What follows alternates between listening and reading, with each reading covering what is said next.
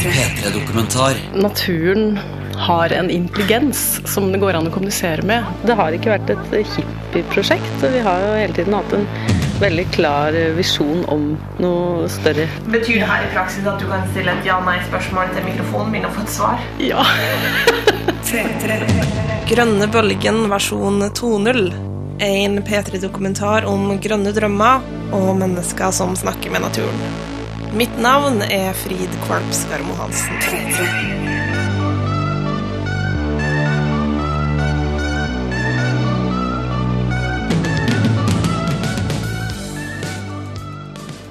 Men tenker Man kan godt leve et standardliv og være ganske lykkelig, egentlig. Men jeg prøver å skape noen nye strukturer. Altså, Egentlig i større grad å være delaktig i mitt eget liv. Hvis ikke så blir jeg deprimert. Det her er Audun. Hva er dette her, da? Hva du driver med her, da, du? Han har sånn sveis som er barbert på sidene, mens den lengste delen av lokkene når helt ned på ryggen. På issen så er håret litt glissent, sjøl om han bare så vidt har passert 30. Audun er egentlig utdanna innen film og animasjon, men nå satser han i stedet som en slags alternativ versjon av Redor Felgen. Eller det er vel egentlig mer riktig å si at han er en blanding av Redor Felgen og Pocahontas. Hello, John Smith. Pocahontas, that tree is talking to me. Then you should talk back. Don't be frightened, young man. Ok, denne Pocahontas-greia kommer vi selvfølgelig tilbake til. Skru litt på bilen. Ja, det her er eh, Det er et prosjekt som er sånn pilotprosjekt med alternativ energi. Vi befinner oss i skjulet utenfor et svært herskapshus på Eidsfoss i Vestfold. Og Audun han viser med sykkelen sin, som han har bygd om til en elsykkel. Eh, Så nå er det en sånn konvensjonell variant med et sånt kit til elsykler, så du kan gjøre med en hvilken som helst sykkel til en elsykkel. Bak sykkelen så har han ei sånn vogn for å ha unger i. Og denne vogna er full av bilbatteri. Det er jo litt sånn overkill på en måte, litt mye vekt og sånn, men det, hvor mye veier den? nei, det vet jeg ikke helt. Jeg har ikke veid den, men den er kanskje eh, 40-50 kilo. 50 kilo kanskje. Og 50 kilo bilbatteri i ei tralle gir en elsykkel 10 mil batterikapasitet. Jeg vet ikke helt i hvilke situasjoner du trenger 10 mil kapasitet på en elsykkel. Den er kanskje designa for folk som hater å lade. Hvor fort går den? Det er ikke noe for offentligheten. Ikke det sier i Folkeklippa. Den, eh, den går forsvarlig fort, den kan gå litt uforsvarlig fort også. Men man må jo, må jo ha litt respekt for trafikken, da.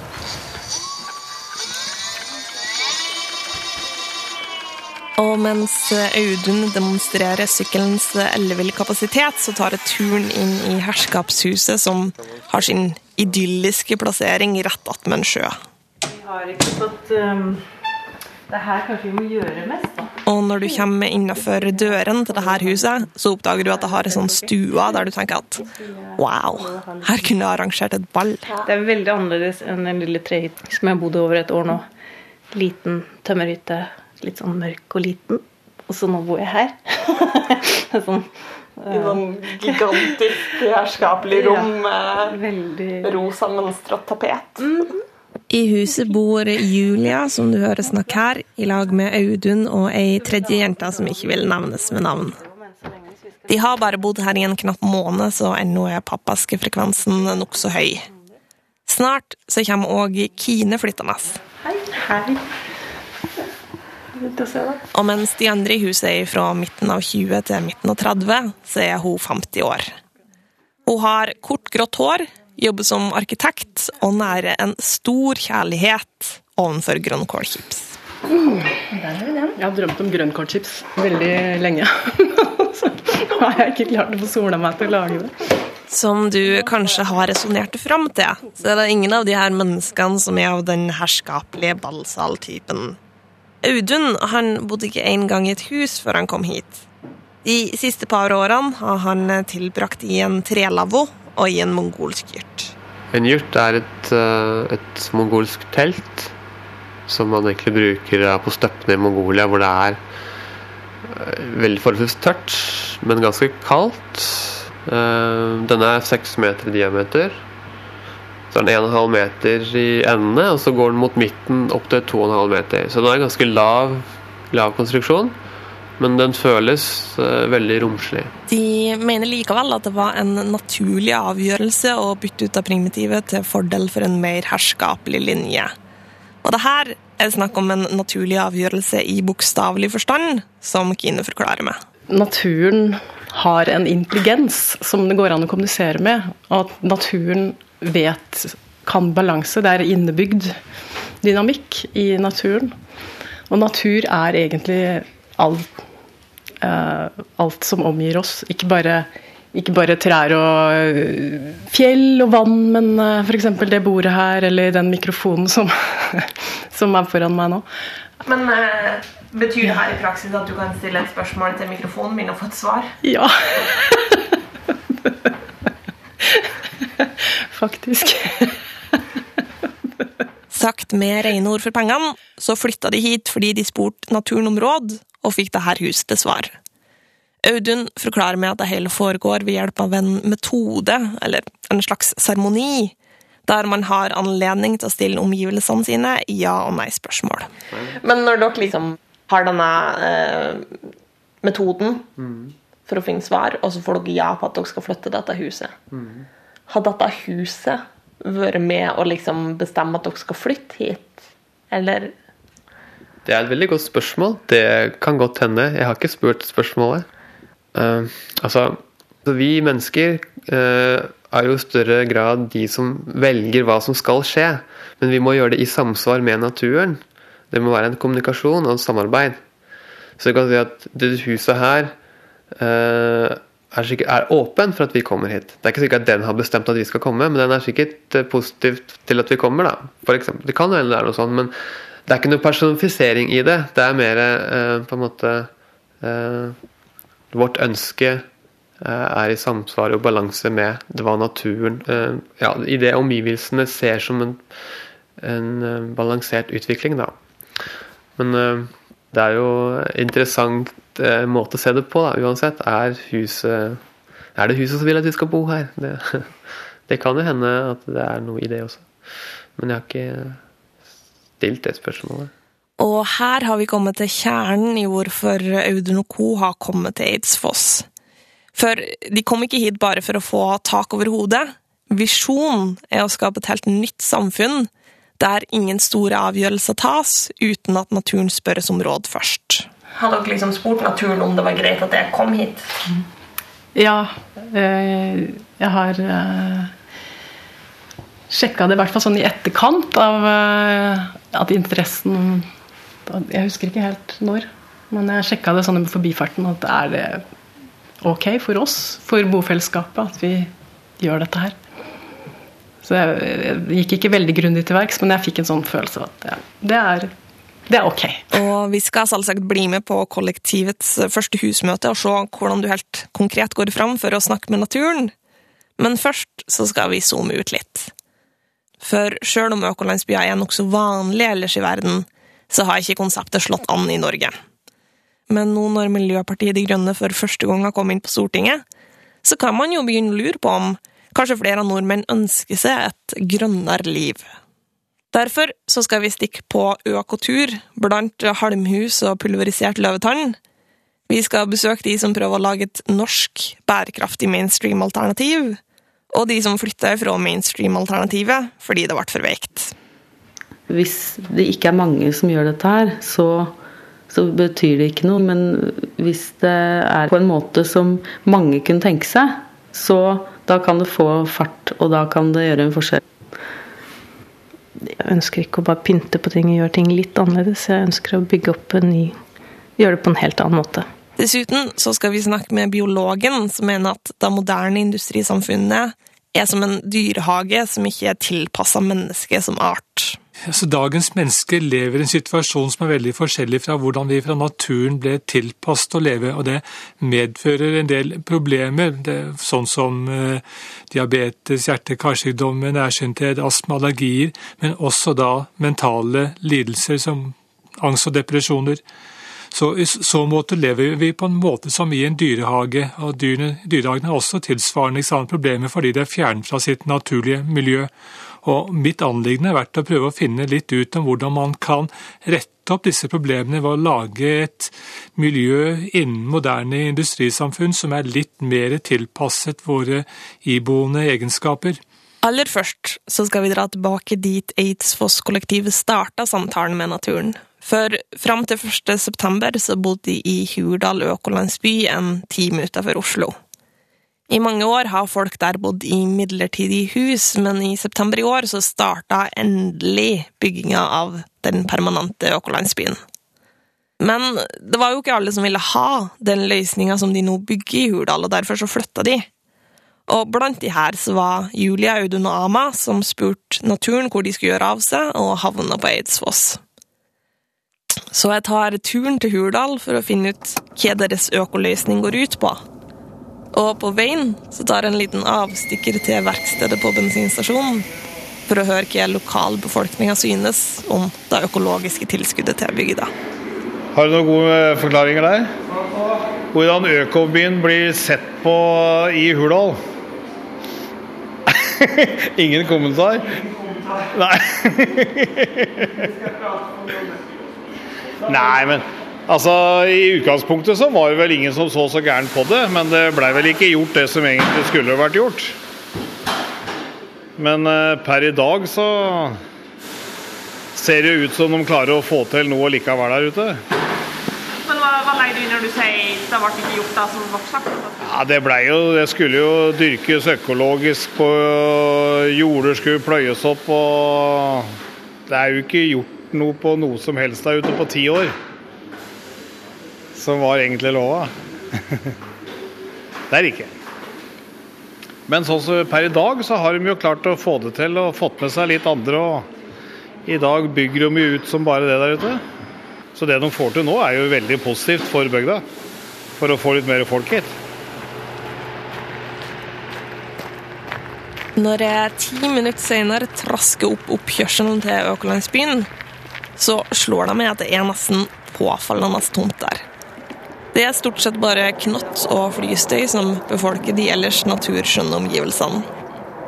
Men når jeg kommer inn på kjøkkenet i felleshuset på tunet og får servert grønn te av Kristin Buflod, hun er daglig leder og en av gründerne bak landsbyen, så får jeg vite at det snart blir mye mer folksomt her. Vi har jo nå solgt 35 hus av 45. Og det har vi gjort i løpet av ja, det er vel et par-tre måneder. Så er det sånn at den visjonen til denne økolandsbyen har vært ganske, og er ganske stor i forhold til at vi skal bygge 150 boenheter. Eh, det har vært veldig viktig for oss å eh, gjøre dette her til et prosjekt som eh, skulle være lett å kopiere. Fordi at jeg mener i hvert fall at noe av alternativbransjens hva skal jeg si, problem har vært at det har vært for snevert. Det har vært for de få. Mens vi ønsker Altså vi, vi tenker at denne økolandsbymodellen er av et sånt kaliber, og at den burde være for de mange. Og det er først når mange velger denne løsningen, eller hvilken som helst løsning, at det på en måte kan gjøre en forskjell. Og økodrømmen den stopper ikke der. For etter at denne økolandsbyen har kommet opp, så er planen at det skal bygges ti nye i løpet av ti år. Og det her er en veldig ambisiøs plan, med tanke på at det her på ingen måte har vært et prosjekt på skinner. I over ti år så har de bodd i midlertidige hus, lagd i den byggetekniske stilen til Tre små griser med halm og leire. Visuelt sett så har det en litt sånn bulkete framtoning som gir meg assosiasjoner til hoppeslott. Ja, det er ganske morsomt, fordi at når vi kom hit og fikk lov å sette opp de havnehusene, så skulle de være midlertidige. Skulle, vi skulle få bo her i tre år mens vi satte opp husene i Lia. Men så viste det seg at det tok litt lengre tid, for det er jo nå ti år siden. Eh, så da har de fått lov å stå, men vi bygde dem med ganske mye sånn eksperimentvillighet og sånn. Så det er Norges første selvbærende havnehus. Dvs. Si at for en såpass stor konstruksjon så er det ikke noe stendeverk inni. Det er bare halmballer som er satt oppå hverandre i sånn mursteinsprinsipp med sånn trepinner gjennom, og så er det de veggene som bærer taket. Eh, men det har jo gått veldig, veldig bra. Og så er det sånn som det huset der, det står på europaller. Fordi at du fikk ikke lov å grave i grunnen. Vi fikk ikke lov å sette noe grunnmur eller noe sånt. Så da prøvde vi ut det med å sette dem på europaller, for da får du jo lufting under. Det er veldig viktig når du lager et halmhus, det er en pustende konstruksjon, at har eh, At det er luftig, da. Så det har også fungert veldig bra. Og det er vel omtrent her jeg blir oppmerksom på at Kristin har en veldig forretningsmessig tilnærming til meg. Hun svarer politisk korrekt på alle spørsmål, og hun vil ikke la meg se inn i det hvite halmhuset som hun og familien bor i. Til og med når hun skal beskrive at halmhusene har ganske dårlig standard når det kommer til kjøkken og bad, så bruker hun rørleggerterminologi. Men funka de godt, halmhusene? Ja, du kan si at eh, vi bygget jo ikke for at de skulle være permanente boliger i, i ti, over ti år. Eh, det er jo mer som hytter. Og som det så har de fungert. Men, men de, har ikke, de, har jo ikke, høy standard når det gjelder VVS og kjøkkenfasiliteter og, og sånne ting. Da. Jeg begynner jo nesten å lure på om hun skjuler noe, for det slår meg at den forretningsmessige tilnærmingen kanskje er en nødvendig dyd for å bli tatt seriøst. Det har ikke vært et hippieprosjekt. Vi har jo hele tiden hatt en veldig klar visjon om noe større. og hatt eh, også et klart standpunkt til rus, f.eks. Eh, men det er klart, særlig i starten, når vi var mye mer måte ikke så trent i forhold til å presentere prosjektet, og når folk ikke visste så mye om det. og så kom det jo mange hit som trodde at det var sånn og slik, og oppførte seg deretter. Og så at vi har jo gått gjennom en sånn slags identitetsprosess i forhold til å finne ut eh, hvem vi er og hvordan eh, dette her skal være, og hvordan, hva slags løsninger er det vi ønsker for framtiden. Kristin har tatt med meg på omvisning oppe i Lia, der den nye økolandsbyen bygges. Foreløpig er det bare gravemaskiner der. Vi kommer tilbake ned til det midlertidige tunet, hvor de òg har en liten landsbybutikk. Den er dekorert med juletrelys i vinduene, og har ved sida av et ganske slunkent grønnsaksutvalg og et klokketårn. Det er hardt mange ganger. Litt saktere. Du i deg mat. Å nei! Nå må du stille opp. Er det matklokka deres? Ja. Er det ringen til lunsj, eller? Ja, faktisk. Vi har lunsj her hver dag sammen, vi som jobber her. Ja. Da, beklager, det er falsk alarm! Det er falsk alarm! Det er jo sånn de hadde på gården i gamle dager, vet du. At da hadde jo, var det eh, kokkene som lagde maten. Og så var arbeidsfolka ute på jordet. Så når maten var ferdig, så ringte de matklokka. Mm. Kort sagt så prøver Hurdal å lage et konsept som er så allmennvennlig at det kan være en av løsningene på menneskehetens utfordringer.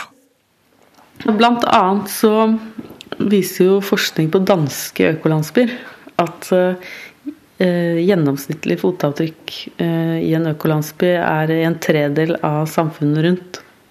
Så at der har du egentlig svaret på spørsmålet ditt, fordi alle, eller de fleste, skjønner jo nå at vi må få ned fotavtrykket og forbruket. Eh, selvfølgelig så er det jo også noe som er teknologioptimister. Men, og det må også til. Vi må jo ha bedre renseanlegg. Vi må ha eh, Det er mange løsninger som må på plass. da. Hvis man begynner å tenke globalt, så er det jo voldsomme tiltak som må til. Så det er jo en veldig kompleks situasjon. Men Eh, det er i hvert fall Vi prøver å gjøre noe her hvor vi er. Ja. Vi trenger noe opptenning. noe bark. Ja, vi kan ta det her. Det er litt sånn trekk, så det blåser litt ut, skjønner du. Ja. Men mainstream er jo ikke for alle. For folkene på Eidsfoss så passer Hurdals one size fits all-løsning dårlig. Vi er på en måte en gruppe mennesker som er mer fokusert på å gjøre pionerting, da. Mens Hurdal er mer fokusert på å ha litt kortere bro, som, eh, som inviterer mainstream i større grad. da. Mens den broen vi har, er kanskje litt lengre å gå. Det har jo vært viktig for oss å være der også, opp til nå.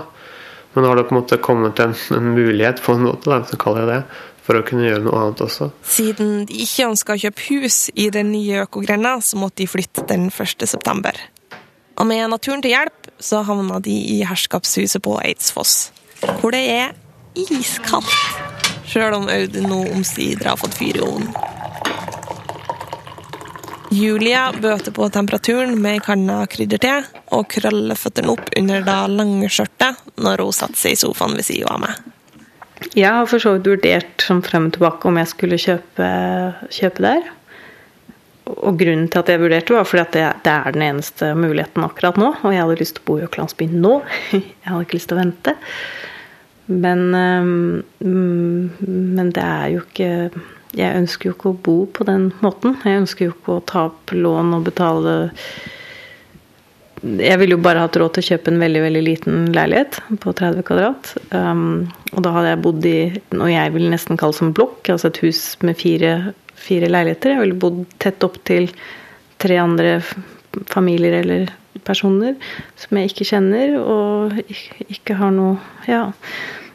Jeg vet ikke. Og ikke noe felleshus, ikke noe felles det, ikke, det ville jo ikke blitt noe av det jeg, jeg ønsker.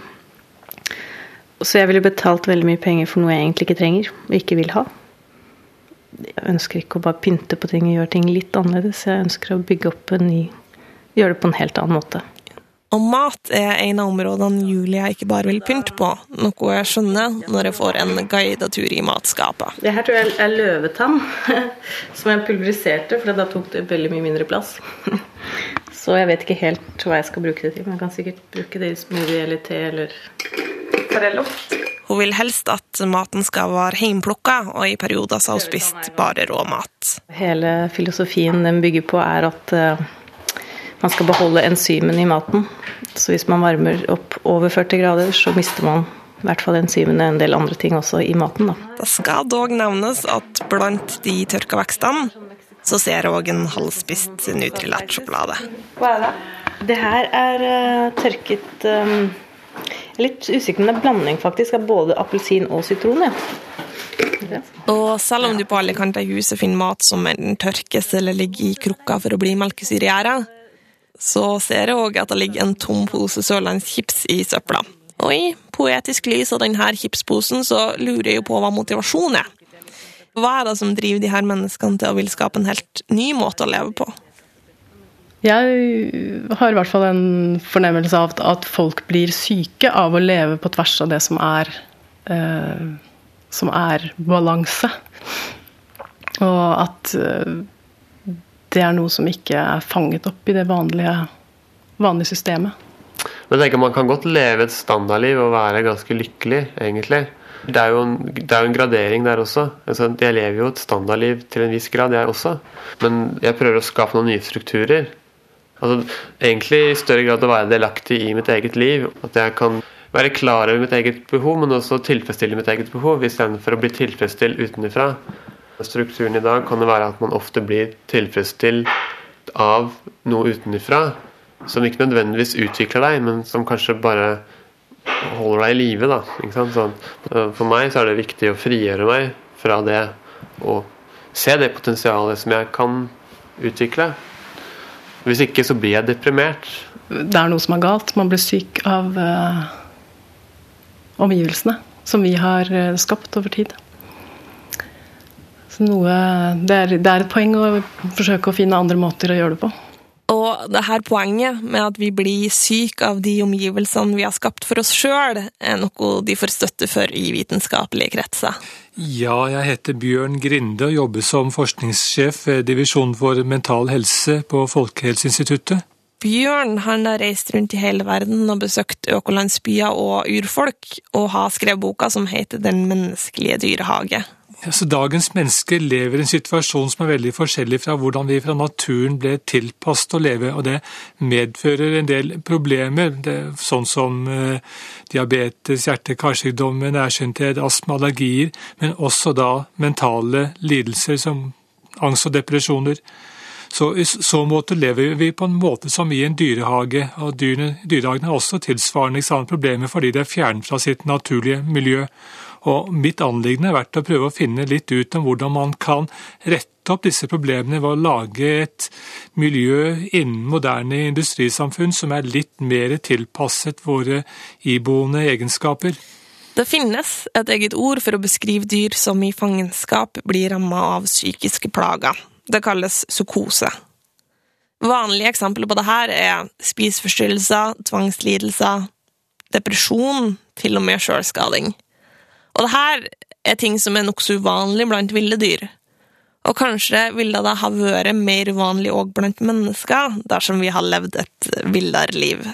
Jeg, jeg, tror kanskje at der skoen trykker mest, er på det psykiske, og det gjelder det, fordi vi ikke lenger lever i eh, med gode sosiale forbindelser som man gjorde i steinalderen. Vi har ikke en liten gruppe, en stamme, som vi er knyttet til og som vi er avhengig av.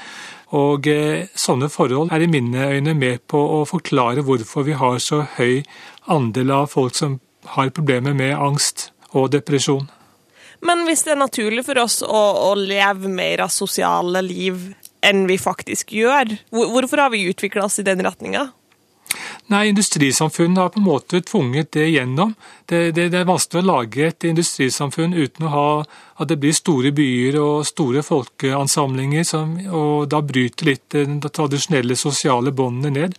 Og så går det an for veldig mange mennesker klarer seg godt uh, i dagens samfunn har det bra, på samme måte som det er ikke alle som blir nærsynte, selv om vi antagelig lever på en måte som disponerer for nærsynthet. For, mange mennesker går dette helt greit, men dagens levesett gjør at flere enn det som flere enn i steinalderen utvikler slike psykiske plager.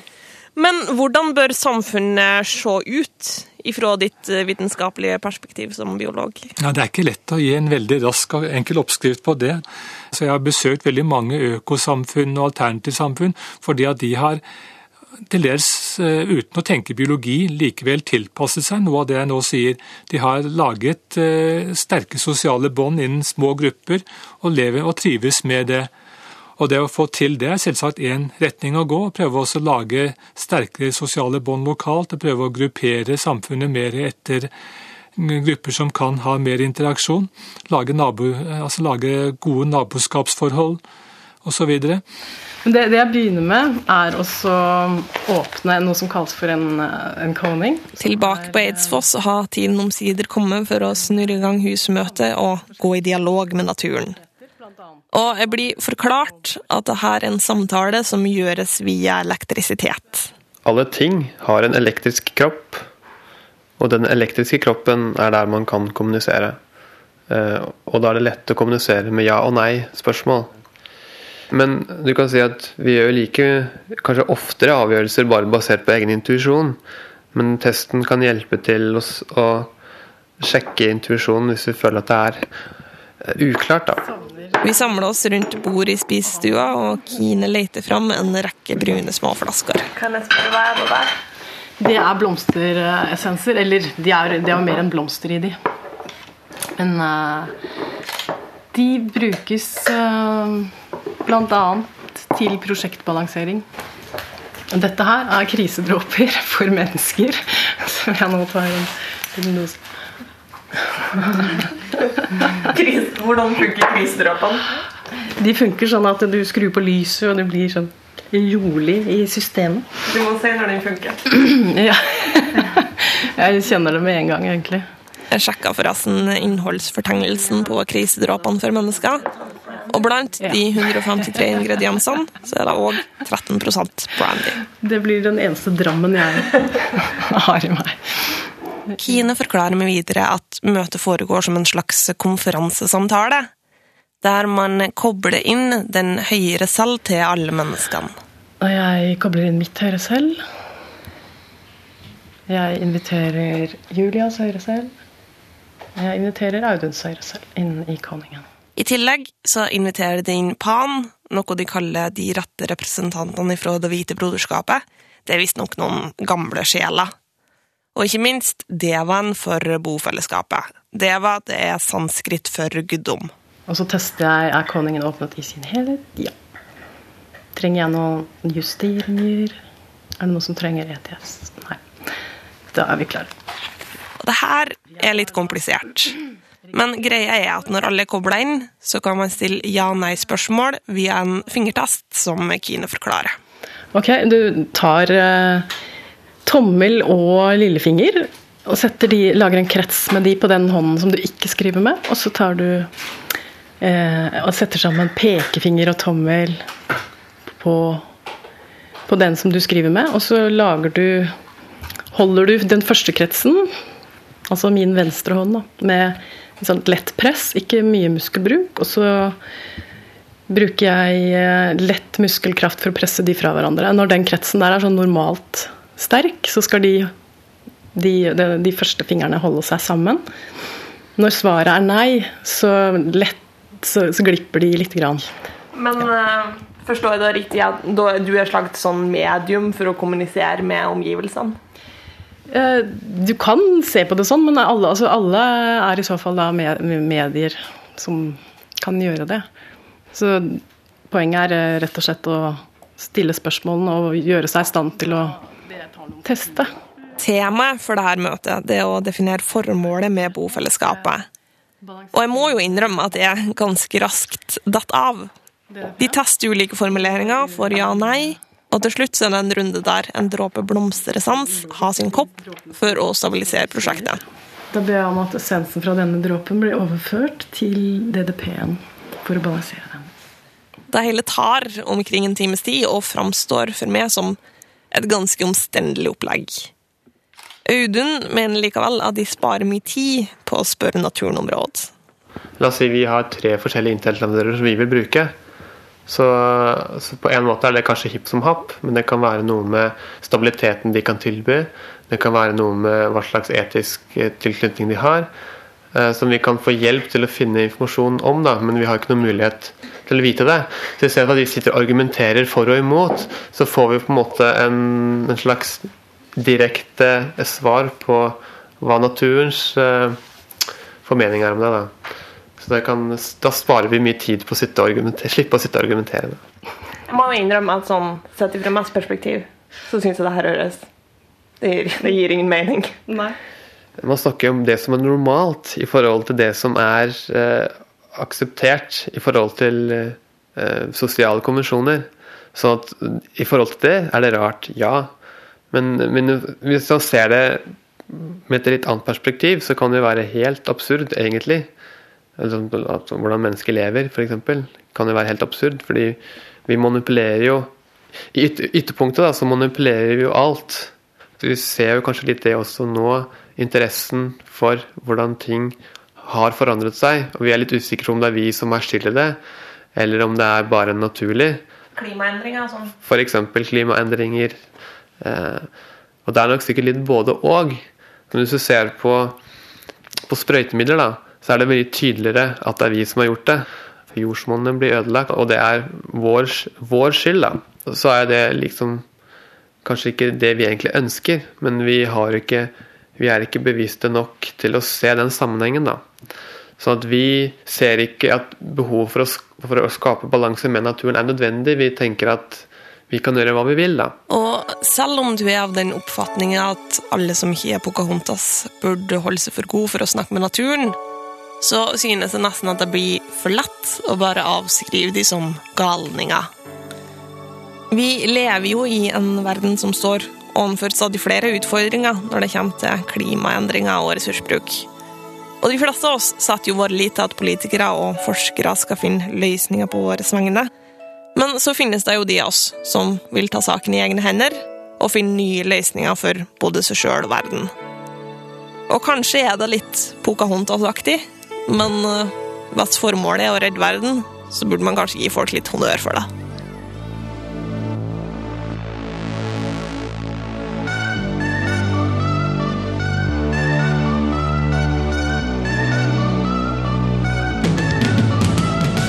P3-dokumentar søndag klokka ni på P3 og når du vil på p3.no. P3.